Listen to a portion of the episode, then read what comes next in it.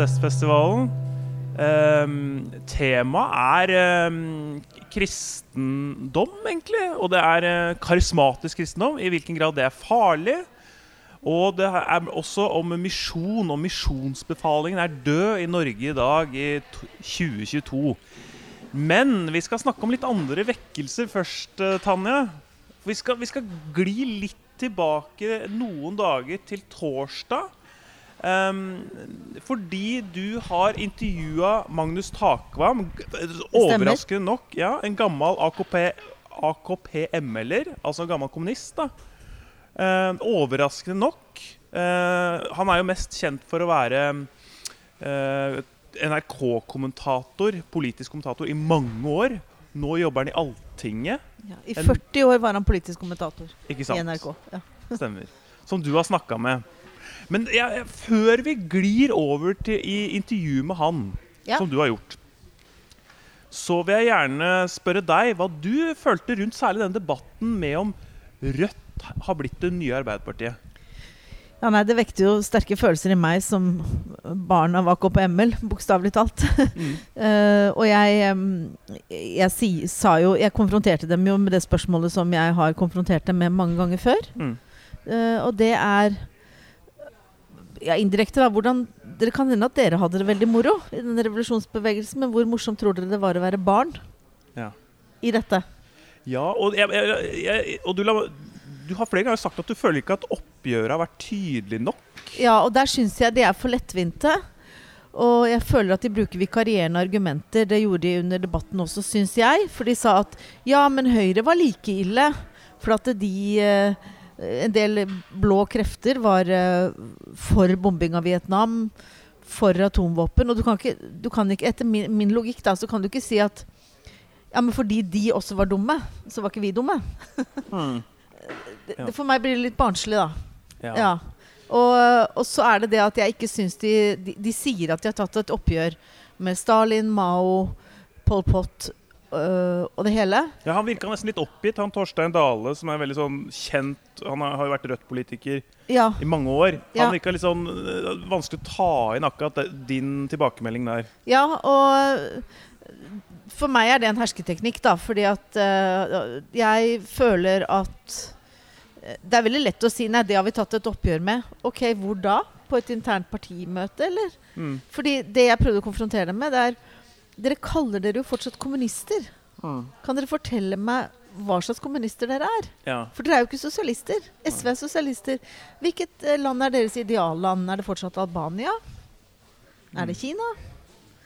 Uh, du må huske på det at dette er heavy greier. Altså, de, de støttet Mao ikke før Mao hadde begynt. De støttet Mao etter den lange marsjen, hvor man tenker at etter den lange marsjen og, eh, og det store spranget, to sånne store Mao-aksjoner, Uh, hvor man med ganske stor sikkerhet nå uh, vet at i hvert fall 40 millioner mennesker døde en unaturlig død. Mm. Så vi snakker om uh, Ja, vi snakker om folkemord og diktatorer. Det er vel kanskje derfor en sammenligning Det er jo ille å foreslå å bombe Hanoi, liksom. Absolutt. Men det er kanskje sammenligning er kanskje likevel ikke helt god, for det er snakk om så enorme antall menneskeliv eh, i særlig Sovjetunionen og Kina. Og du kan også ta med Kambodsja og en del Ja. så, så, så, Veldig godt eh, sett, Karl Andreas. Ja. Så vi snakker, vi snakker Det er tall her. Vi må, Mm. se, vi må se på tallene. Og jeg Når jeg fortsetter å si at jeg ikke har tatt et oppgjør, så er det også basert på en del personlige erfaringer. Fordi at jeg nå i min, i min eh, nye bok som jeg skriver nå, som skal være ferdig til, til våren, 'Trøste og bære', ja. så intervjuer jeg, eller ikke intervjuer, men har samtaler med en del av disse gamle AKP-ML-erne. Mm. Og spør dem om hva de eh, tenker nå. Og hvordan de tror det var å være et barn av denne bevegelsen. Og hva de Hvem er de nå, hvem var de da? Blant annet Pål Steigan. Nettopp. Mm, som skal eh, komme hit til festivalen. Stemmer. Mm. Det er veldig spennende for øvrig. Det Ja. sier jo noe om protestfestivalen, at her er han ikke kansellert ennå. Og det syns jeg er så Selv om jeg ikke støtter Steigan i alt, åpenbart ikke egentlig i, veldig få ting rent Ja. politisk, Ja. men jeg vil høre han snakke. ja. Ja. Og han er jeg, for, jeg føler at han er en stemme som fortjener å bli hørt. Og, og at han er absolutt en som røsker opp og, og bidrar i den norske debatten. Jeg har lyst til å bare spørre deg eh, rundt akkurat det temaet med Rødt som det nye Arbeiderpartiet. Ja. Skremmer det deg litt, du som er Du som har vokst opp i det miljøet? For at det, Rødt har jo fått en litt annen profil, men om jeg forstår deg litt rett, da, så føler du kanskje at det er litt sminka og litt tilgjort? At det ikke, at det ikke er grunnleggende forandra i partiprogram, i kanskje oppgjør, som du sier? Ja. At, det er noe, at det er noe litt sånn Ja, det glorifiserer rebellen. ikke sant? Che Guevara og rebellene, Fidel Castro, Mm. alle disse her var jo Og, og de eh, må huske på det at AKP-ML-erne var de hippe. Mm. De var datidens hipstere. Og var du ikke hipster, så var du jo ikke kul. Da var du jo Det er dette med merkelappen. ikke sant? Hvis du ikke var en av dem, så var du A, B, C, D, E, F, G, H av forskjellige merkelapper. mm. At det var Og kult å være ekstrem, og det er du gjerne Ja, når man er Og kult å være rebell. Og jeg merket det til og med på selve møtet. Uh, med, altså den, den puben hvor, det var, hvor denne uh, debatten var. Stemmer. Så var det jo uh, flust, flust av Rødt-folk, og de fulgte ikke ja, reglene for møtediskusjon. ikke sant? De kuppa det, de ropte Kuppa hele greia. Ja, det var noe sånn ung Det var en del sånn unge radikale som var veldig til å heie, og, og, og da satt jeg Da husker jeg satt og tenkte at jeg lurer på liksom Altså, jeg, jeg, nå føler jeg meg slem, sånn, så jeg skal ikke mistenke dem for det. Men jeg, kan, jeg tenkte liksom, kjenner de historien, liksom? At det, er, eh, at det føles som Det er en sånn radikalitet som gjentas der, som har hatt så enorme konsekvenser i fortiden. da. Ja, det er så godt uh, sett og sagt, uh, Karl Andreas. Og det er jo det jeg reagerer på i en sånn gut-reaksjon. ikke sant? At, jeg, ja, at jeg, jeg reagerer på den eh, at, de er at det er akkurat den samme stilen. Mm. Og litt sånn uh, Are Rønsen, altså God bless han, han er en herlig fyr, men han sier Først og fremst så hadde vi det så jævlig moro. Mm. sånn, Sånn, hvor jæsklig moro var det for oss barn som ble dratt gjennom demonstrasjoner, ulovlige demonstrasjoner, for det var jo litt kulere. Politiet sendte hunder inn. Mm. Uh, det var hester. Uh, folk sto og huta til oss på fortauene. Vi barna ble sendt i barnedemonstrasjonstog. Mm. Eh, vi ble sendt på sommerleirer. Eh, hvor gøy var det for oss? Mm. Hadde de rebellene hadde det kanskje ganske moro. Det var mye festing òg, og det var mye eh, Ja, det var ekstremt på veldig mange måter. Og jeg merker det Jeg merker den samme, spi- jeg merker den samme ånden. ikke sant? Nei, vi tar og kupper dette møtet. Ja. Vi skal bare Det er den stilen. Jeg veier Ok, nå skal jeg gjøre en urimelig sammenligning, kanskje. Men jeg, så du får arrestere meg hvis du er uenig. Men altså jeg, Ved tanke på hva slags, hva slags konsekvenser den ideologien der har hatt, så Ja. jeg det at vi har festa hatt det moro på den tida der Jeg er sikker på at på 30-tallet så var det mange som hadde det gøy i Tyskland. Altså, Ja. for, altså Det var Ja. mange morsomme ungdomsfester hvor man trodde, rop, sang kampsanger og var Yes, på ja. ungdomsleirer og Mm. hadde masse gode minner og sånne ting. Ja, Men ved ja. tanke på liksom konsekvensene, hvor mange millioner som gikk tapt pga. de ideologiene her, så, så er det noe i meg som vrenger meg litt når jeg hører at vi hadde det, ja, men vi hadde det utrolig gøy. Vi gutta Ja. møttes og Vi hadde det så moro. Ja, ikke sant? Og det, det kan jo godt hende at stemmer. Ja, ja. ja. Eh, det, og, man skal, og menneskets eget minne og nostalgi og sånne ting, det skal man liksom ikke undervurdere. Det, jeg, jeg, det, Nei da, det, men- og det er sikkert veldig sant, men det er noe i meg som Men har, Ja, men. har de sett bilder fra kulturrevolusjonen hvor landsbyfolk, eh, partisaner Det var jo eh, litt som ledere, og de satte folk opp mot hverandre. Eh, og Mao fikk eh, jo sine egne til å drepe sine egne. Mm, Og eh, under kulturrevolusjonen og under det store spranget eh, Han hadde tre store aksjoner. Først den lange marsjen, Mm. så det store spranget. Det var med hveten og de, alt det der. Så ja. var det kulturrevolusjonen.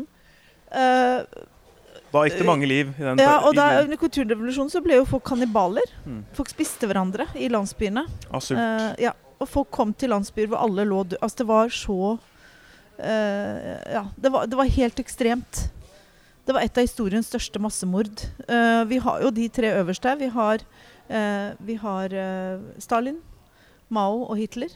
Mm, Og både Mao og Stalin drepte flere folk enn Hitler. mm, Og jeg mener at de hører til der. De hører til i det selskapet. nettopp. Og det Og jeg behøver ikke å, jeg behøver ikke å være Frp-er for å synes det. Mm. Og det er det jeg føler med ML-erne, eller jeg kaller dem fortsatt ML-erne. At uh, når jeg er imot dem, når jeg mener noe annet, så er jeg, da er jeg cancelled. Ja. Da er jeg kansellert. Da er du småborgerlig og reaksjonær og utdefinert, liksom. Ja, hvis det er noen som er kansellert, så er det meg, Tanja Michelet, fra Rødt. hvis du skjønner. Kan jeg spørre deg, altså Skremmer det deg tanken på at Rødt skulle bli sto det store partiet på venstresiden? Skulle bli det nye Arbeiderpartiet?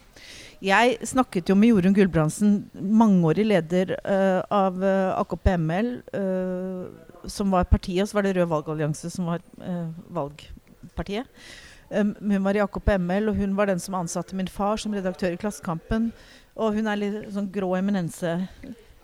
Og hun har vel sagt mer eller mindre direkte til meg, og også i det hun har skrevet, at Rød valgallianse var egentlig et opposisjonsparti. De hadde aldri, hadde aldri noe eh, styr på det hvis de skulle få makten. Det har aldri vært et parti som har planlagt å sitte ved roret. Mm. Og det syns jeg at Rødts partiprogram fortsatt bærer preg av. At de ikke har Jeg tviler på deres styringsevne. Med andre ord så er du ikke så redd for det. Nei. Nei. Jeg er ikke så redd for det, men jeg er redd for det hvis de, hvis de får den makten, fordi jeg føler at ikke de har et program som kan holde vann. Apropos Rødt og AKP-ML. Du har da snakka med en oh, Som jeg nevnte i stad. Det var overraskende. Ja. Det, er jo, det er ofte man hører at, at den personen er gammel AKP-ML-er. Som Ja. er liksom kjent i offentligheten i dag. Men kanskje det at Magnus Takvam, denne litt sånn moderate eh, typen som alltid har liksom vært en sånn balansert NRK-kommentator, rent eh, politisk kommentator i mange år i NRK, at han var AKP-ML-er, eh, Tanje? Ja, jeg visste ikke det. Uh, fikk høre det fra han når vi kom i prat, og vi hørte han også sa det under som debattleder. Um, unnskyld, Magnus, men jeg syns han virker litt sånn tørr og ordentlig. Veldig korrekt. Eh, og denne selvsamme Magnus Takvam ble radikalisert eh, på Katta, katedralskolen, hvor også min mor og Mats Gilbert gikk omtrent i samme periode. Da var du Enten så var du inne, eller så var du ute. Det var hipster-videregående fremst av alle i Oslo. Og der var det normen Mm. å være en SUF-ML-er, som senere ble til AKP-ML. Og han var jo en hardliner. Det er det som jeg synes var mest over. Han var med i mange mange år. Overraskende. Han har blitt fått bind for øynene og blitt kjørt ut i skauen hvor de hadde møter. Det har han fortalt, uh, fortalt meg. Så jeg har også hatt et lengre intervju med han. Hmm. Uh, hvor, som var utrolig interessant. Og det er jo akkurat det jeg holder på med. Hvor, hvor er du nå, Magnus, og hvor var du da? Og hva motiverte deg til dette her? Så jeg var jo Jeg har for øvrig sagt det i avisintervjuer, og også i den boka jeg skrev eh, i fjor om eh, min mor Marie Talkmann, så nevner jeg noe av dette i, i boka. Så, så, men det er klart, eh, det, det er jo ikke alle som får med seg det, selvfølgelig. Men vi var jo Altså, jeg er jo da en generasjon som da vi på Som opplevde nettopp det miljøet som var og, rundt Vietnamkrigen. Og gikk på Oslo katedralskole. eh, og gikk ut der i 1971 sammen med Jan Bøhler og Hilde Haugsgjerd. Og Jan Bøhler var liksom SIF-sjefen på, på Kappa den gangen. Vi hadde han var på den sida, han da. Ja, ja. Han har jo gjort noen hopp i løpet av sitt liv. Og det var eh, veggaviser eh, til støtte for Kiruna-streiken. Vi inviterte sporveisarbeiderne inn med megafoner i skolen. Altså det var en, Oi, ja, det var en stemning ja.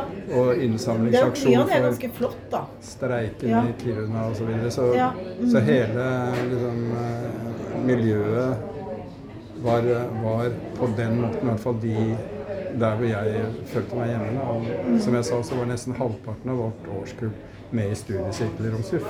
Så da var det jo av... Det, det var det som var var en det- måte det- det var der sånn. flokken Ja, var. ja. Og så var det noen som du var inne på her, eh, KY-gutter som støtta eh, bombingen av Hanoi, og så var det en del SV-ere og sånn. Men det var et veldig radik radikalt radikalt miljø. Så. Men så ble jeg jo etter hvert eh, altså, var, Det var egentlig fordi jeg søkte vennskap og nettverk. Selv om Ja. du på en måte Ja. hadde et slags ståsted som, som hør, hørte til der den gangen. Men etter hvert som eh, politikken ble mer og mer intrikat og Ja. makt altså ambisjonene til ledelsen som viste seg, så meldte jeg meg ut etter noen år. Altså. Ja, men det var noen år du var med, altså. Ja, ja. Og det var fra det var SUF ML til det var. ML til AKP. Mm. Jeg var jo til og med med på Da de stifta AKP, så var jeg såkalt B-med-delegat. Det var jo stat A, det var de øverste. B var under der. så vi kjørte en pickup med bind for øynene inn i Lillemarka et sted der landsmøtet var. Altså det var litt sånn ja, det var heavy- ting, da. Eller litt skummelt. Men eh, det er rart å tenke på i dag. Ja, det er rart, ikke sant. Ja. Men jeg hadde jo vokst opp med to foreldre i ML-bevegelsen. Så ja, min far Jon, og så er det min mor Bente Lippe. Hun døde jo tidlig. Ja. Og, og, og så var jo min mor gift med Mats Gilbert etter at hun var gift med pappa. Altså Toril Brekke. Nei, mamma. Bente Lippe. Å ja. Hun var først gift med pappa, og så giftet hun seg med Mats Etterpå. eh, etterpå. Så hun var jo gift med to sånne ML-høvdinger. Og hun var veldig dypt inne i bevegelsen og jobbet i Klassekampen. Og, Ja. Ja, og hun er eh, Dette er, det, dette er bare råstoff. Dette, dette er ikke intervju. Nei, nei, Nei, dette er bare råstoff. Vi bare snakker. Ja, Ja. jeg skjønner. Eh, Nei, det er bare- Bente, ja. Det er ikke Bente von der Lippe. Gerd von der Lippe. Det Ja, Bente von der Lippe. Men det var hun sånn idretts... eh, Nei, hun var journalist og danser. Min okay. mor da også var hun ja, journalist i Klassekampen. Hvilke år- årskull er hun? Eh, Hun ville ha vært, 50-tallet? eh, hun ville ha vært eh, 70 nå. Ja, fordi jeg er født i 52. da. Ja. Så det er, jeg, jeg ja. skjønner. Men litt, litt, litt eldre enn deg. Ja. Eller hun var født i 47. Ja. Så nei eh, eh, men, men altså, jeg har jo skrevet om dette her i min egen vei fra mal til Gud, og jeg skriver en ny bok om det nå. Ja, Eh, ja. det, eh, det er veldig bra. Eh, Ja. men, men jeg tenker sånn sånt eh, Men du, jeg bare sier ha det til du, Svein. Jeg bare da Etter hvert drar jeg i morgen tidlig, da. Så da Ja. får du ha takk for nå. Ikke sant? Skal du ha med deg den nå, eller? Nei. Ikke, altså, jeg bare sitter her litt, og så drar jeg bort på hotellet, og så det grytidlig som Da kommer han med den bilen. Det skal han gjøre. Ja. Han er der nå, så skal si, minne på deg. ja og si at flyet går 6.50. så jeg må- 6.50, ja. ja. tidlig. Han er jo fantastisk, han. Ja, altså, jeg kan ta drosje, men siden han er Nei, nei, men vi, vi har, eh, vi har ja, avtalen ja. Nei, men det er kjempe. Og Ja. Tusen takk for ja. Du får fanget ham på, litt, på en podkast. Ja. Jeg tar opptak, og så fikser Alf det seinere. Ja, Ja. Supert. Ok. Ja. Lykke til videre. Utrolig bra festival så langt. eh. Nei, eh, jeg burde ha stoppet også, men det, vi klipper det etterpå. Ja, Så mm, Nei, eh, jeg skjønner godt eh, Jeg skjønner godt Altså, jeg, jeg ser for meg stemningen på Katta. Ja, ja. Mamma og Mats gikk jo der sammen. Det var der de møttes. Eh, Så, så, så jeg ser for meg det, og jeg syns det er veldig mye av det som er veldig flott. Altså det der med å, og, og jeg syns det er veldig viktig det som kom opp i debatten her nå om at uh, Hvorfor får ikke Høyre kritikk for å ha gått uh, Eller de konservative for å ha gått med ja til atomvåpen, eller Ja, ja. Men, men eh, jeg vet ikke hvordan du tenker. Der, der er jeg uenig med Torstein Dahl her, og si at fordi fordi de var dårlige, så gjør det ikke noe at vi gjorde noe dårlig. Begge deler er jo ikke så bra. Men, men altså støtter vi Vietnamkrigen, det, det, det gjør jo alle nå i dag. Nei, Det er men jeg, ikke det er jo uttrykk for et eller annet. Altså, jeg, det var en epoke. Altså, det, det er jo ikke da tilfeldig at uh, Rødt, da, som har en viss uh, link tilbake til den tiden, Mm. har snudd opp ned på politikken sin og er i dag, etter min mening, et eh, radikalt sosialdemokratisk parti. Altså, de er ikke lenger et altså, de, de har tatt selvkritikk og Mm. Ja. tatt et oppgjør, um, i hvert fall de aller fleste, med, med den forhistorien. Mm. Og det er vel, så, så på den måten kan man jo for, forstå at de syns det er eh, slitsomt hele tiden å måtte snakke om det, men, Mm. men eh, av og til så må, det må man det må man bare godta. Så, Ja. Men jeg, på den andre siden kan jeg forstå det. De vil snakke om aktuell politikk, hva de står for i dag osv. Så, videre. Ja. så det er noe Det eneste jeg har tenkt på, er det med kommunist. da. Ikke sant? Hva, hva ligger det i det ordet å være Hva ligger det i å være kommunist? Mm. Nei, det var jo noe på land, det siste landsmøtet der de, så vidt jeg husker, eh, fjerna en masse av, av, av de eh, gamle formuleringene som, som var, alle var enige om var passé. passé. Men så hang det da igjen Ja. noen Det var en sånn type sånn der, eh, intrikat kompromiss for å ha en kjerne av kommunisme og insp- inspirasjon eller et eller annet Ja, ja, mm. Som eh, den gamle fløyen ville ha, ha med. Da. Så jeg, jeg føler nok at da, de, de som er i ledelsen av Rødt nå, ikke står for det at de er kommunister. Nei, det føler jeg ikke. Nei, Bjørnar Moxnes sa ikke engang at de skulle beholde kommunist. Nei. Nei. Så det tror jeg sakte, men sikkert vil forsvinne. Ja, det, hvordan er det for deg som politisk kommentator? Altså, ditt, ditt eget politiske syn, du må jo være, liksom, legge det hvordan, ja, hvordan, hvordan Nei, altså-? Hvordan får du til å være såpass balansert? Det er fordi jeg ikke har Altså på en måte Det er jo en profesjonell holdning til jobben. Da. Ja, ja, Men det er klart, hvis jeg hadde hatt en veldig, veldig sterk eh, Altså hvis jeg hadde brent virkelig for et parti eller en bevegelse, Mhm. Ja. så ville jeg nok hatt problemer med å ha en sånn jobb. For da Ja. hadde du ikke vært ekte ærlig på en måte nok. Nei, for meg, men for meg så, så, så ser jeg ikke sant, jeg, jeg har mine meninger, men det, det går mer altså, det, det er mer at du tilegner deg en metode når du analyserer som er på en måte mer å dekonstruere prosesser Ja. og prøve å forklare hvorfor et parti tenker som de gjør, om det er vellykka, mislykka, og, mm. og også om hva de enkelte sakene faktisk handler om. Ikke bare partispill, politiske spill. Så jeg føler at det er nok handlingsrom for det. Ja, ja. Ja, for jeg har lagt merke til en sånn, særlig deg i debatten, at du alltid greier å holde hodet kaldt. Og at man, ja. Det er, er noen dyktige profiler der som får til det. Så Men nå er jeg jo en, er jeg jo ferdig med NRK, da, så nå er jeg litt nå trenger ikke tenke så nøye på det når vi ikke har 500 000 som følger med. Altså, du sier, ja. Så, så jeg, jeg syns for øvrig det er viktig at det er noen sånne nasjonale ikke-kommersielle medier Mm. som eh, har fremdeles har det gamle folkeopplysningsidealet som en del av ryggmargen. Som, klass, som. Klassekampen? Mm. Nei, men som NRK. Ja, som NRK, ja. Som Ja, NRK. altså Mm. de store ja. nasjonale medier med et stort publikum. ja, NRK er Som er en felles arena. Ja, ja. Så kan man mene hva man vil om, om enkelte ting i NRK, men hvis, hvis alt på en måte blir bare nisjemedier og liksom eh, Ja. partipolitisk eh, Sånn som partipressen var i gang med. Vi trenger den at alle, alle får motforestillinger og korrektiv til det de sjøl mener. og. Absolutt. Hvor, hvor lenge har du vært altså, i NRK, egentlig? Ja, I nesten 40 år. Etter journalistskolen. Så det er jo lenge. Det er derfor jeg ikke syns det er så farlig å slutte. Nei, det er jo greit, ja. Du kunne jo nesten ha gått på journalistskolen sammen med mine foreldre. Du, mamma og pappa gikk der samtidig.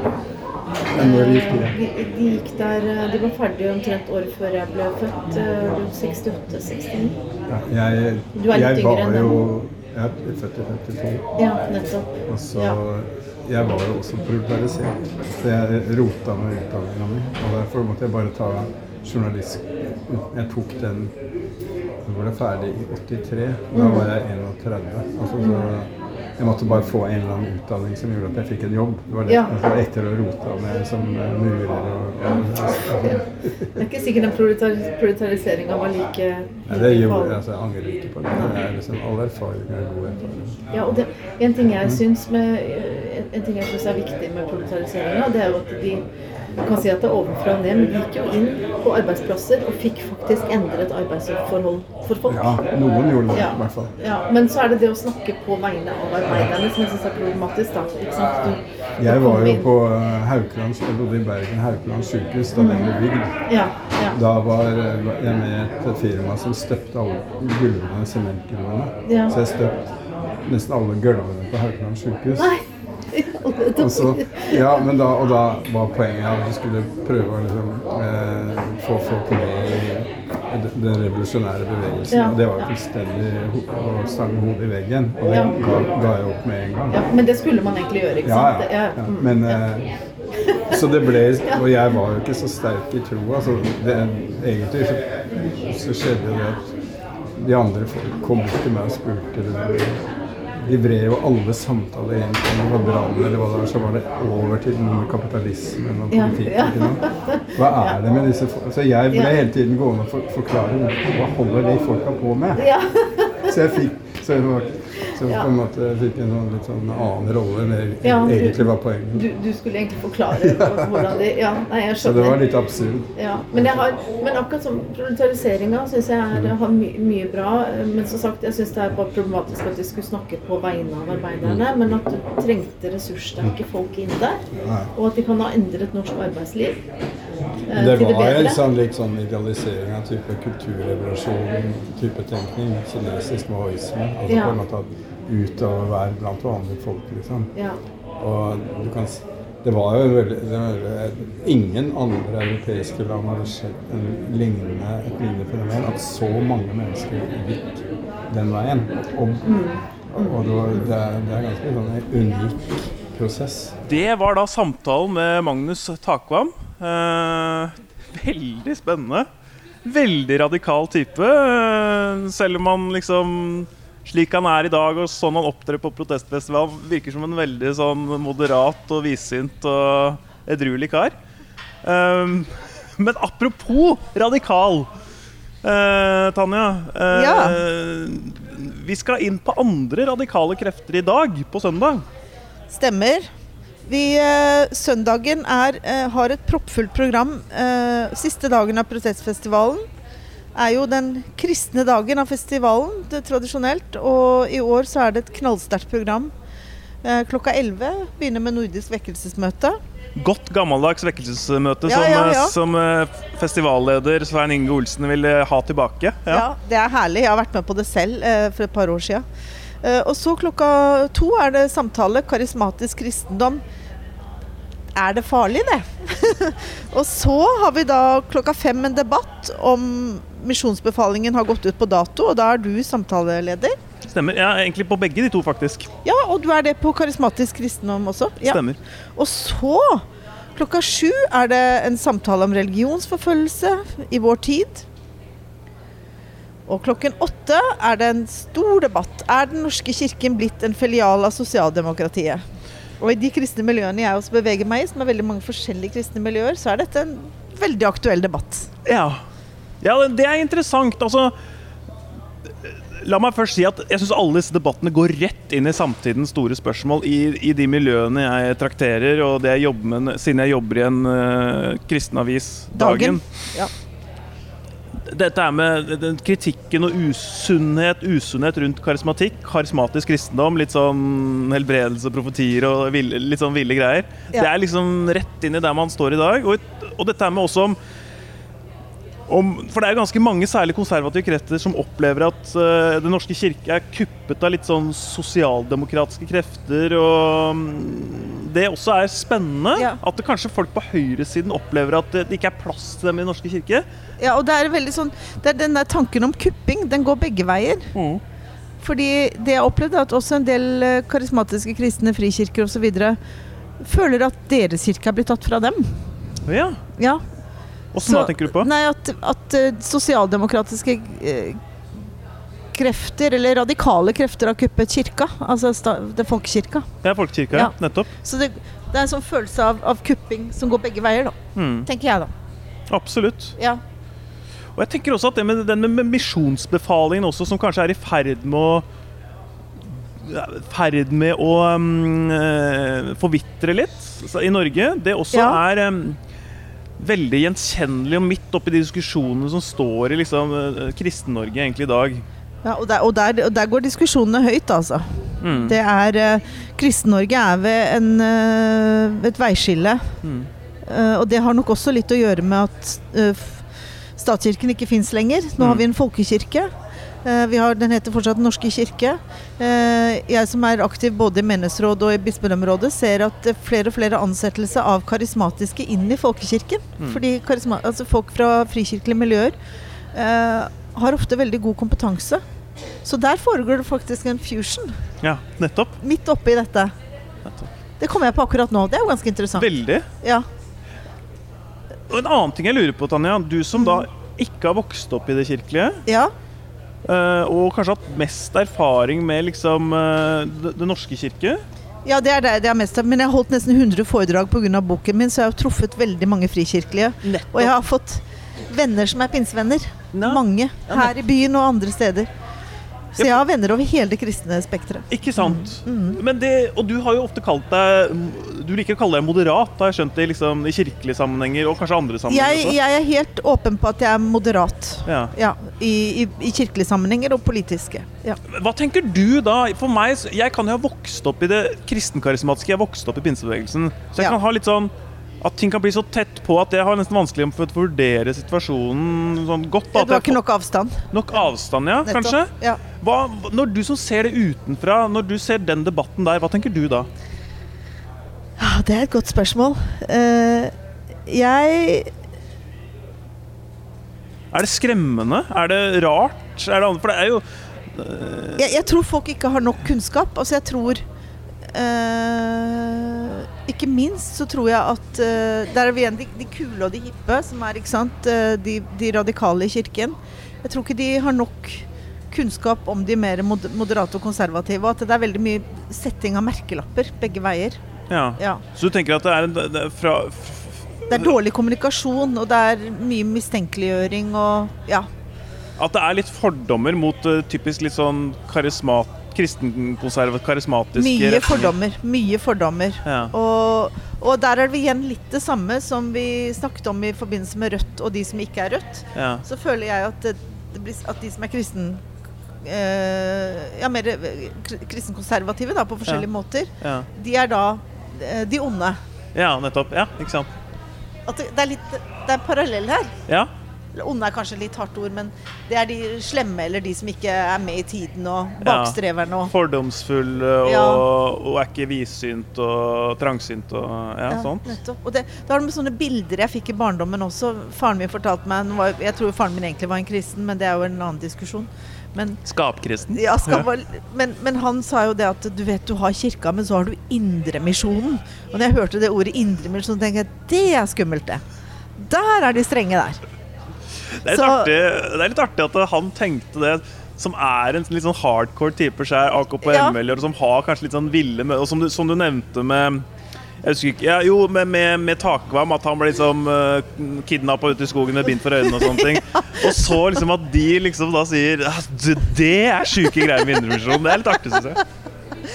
Ja, og, og, så, og så fra den der følelsen og den Indremisjonen, ikke sant, til at jeg nå har snakket for Nordmisjon masse steder i landet. Ja.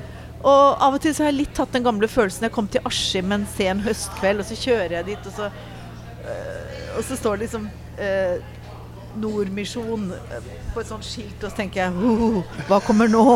Og så kommer jeg Er det noen grøssefilmstemning ja, Og da, så kommer jeg inn og så er det sånn De har vært misjonærer over hele verden. Og jeg har jo bodd i Afrika, det er en som sitter og spiller piano, og så tar vi oss en kakebit. Og det er liksom bare så koselig.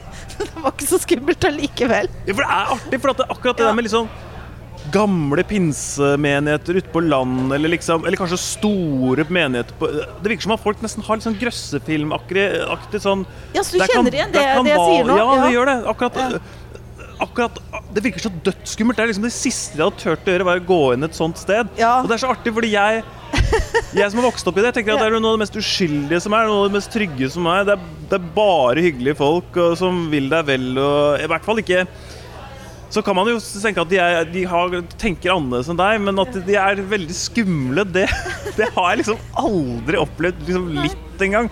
Og heller ikke prøve å kontrollere eller styre meg i noe særlig grad. Så. Så det er, men det sier jo noe om at vi er veldig skeptiske til det som er annerledes. da Ja, Nesten så det, det sier noe om skillelinjene i samfunnet, så, som vi nå har vært inne på med politikk, men også, også innenfor religion. Og hvordan, Ja. man ser, eh, hvordan man ser forskjellig på saker, og hvordan man har plassert hverandre i båser. Ja. Eh, og at det, det er noe som der, der, har vi, der har vi et langt lerret å bleke.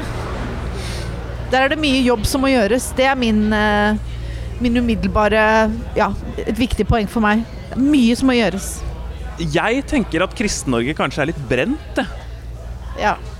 Fordi eh, jeg, Og jeg syns det er litt likt det med karismatikk. Det jo Ja. at vi er blitt veldig redde for å utøve det. For vi har jo tona det veldig ned i pinsebevegelsen og karismatiske menigheter Ja, ja. ellers. At man på en måte Man veit at man har gått feil, men det å finne en sånn riktig balanse, eller på en måte prøve å fortsatt å holde på det Man klarer ikke helt å finne ut hvordan. Klarer ikke å finne en form. Ja, tror jeg. Og det samme med det med misjon. At man har Det har vært noen misjonsbarn som liksom har blitt sendt ut i sånne internatskoler veldig lenge. og sånt. Man har gjort en del feil. Ja, altså misjonsbarn de har hatt, hatt, Mange av dem har hatt det ganske ille på de skolene. Ja. Det har jeg sant? også hørt om. Ja, Ja. ikke sant? Det, har- det har vært gjort mange feil der òg. Det Ja. har vært mange feil der. Jeg syns det er en likhet da, med at man har gjort en del feil.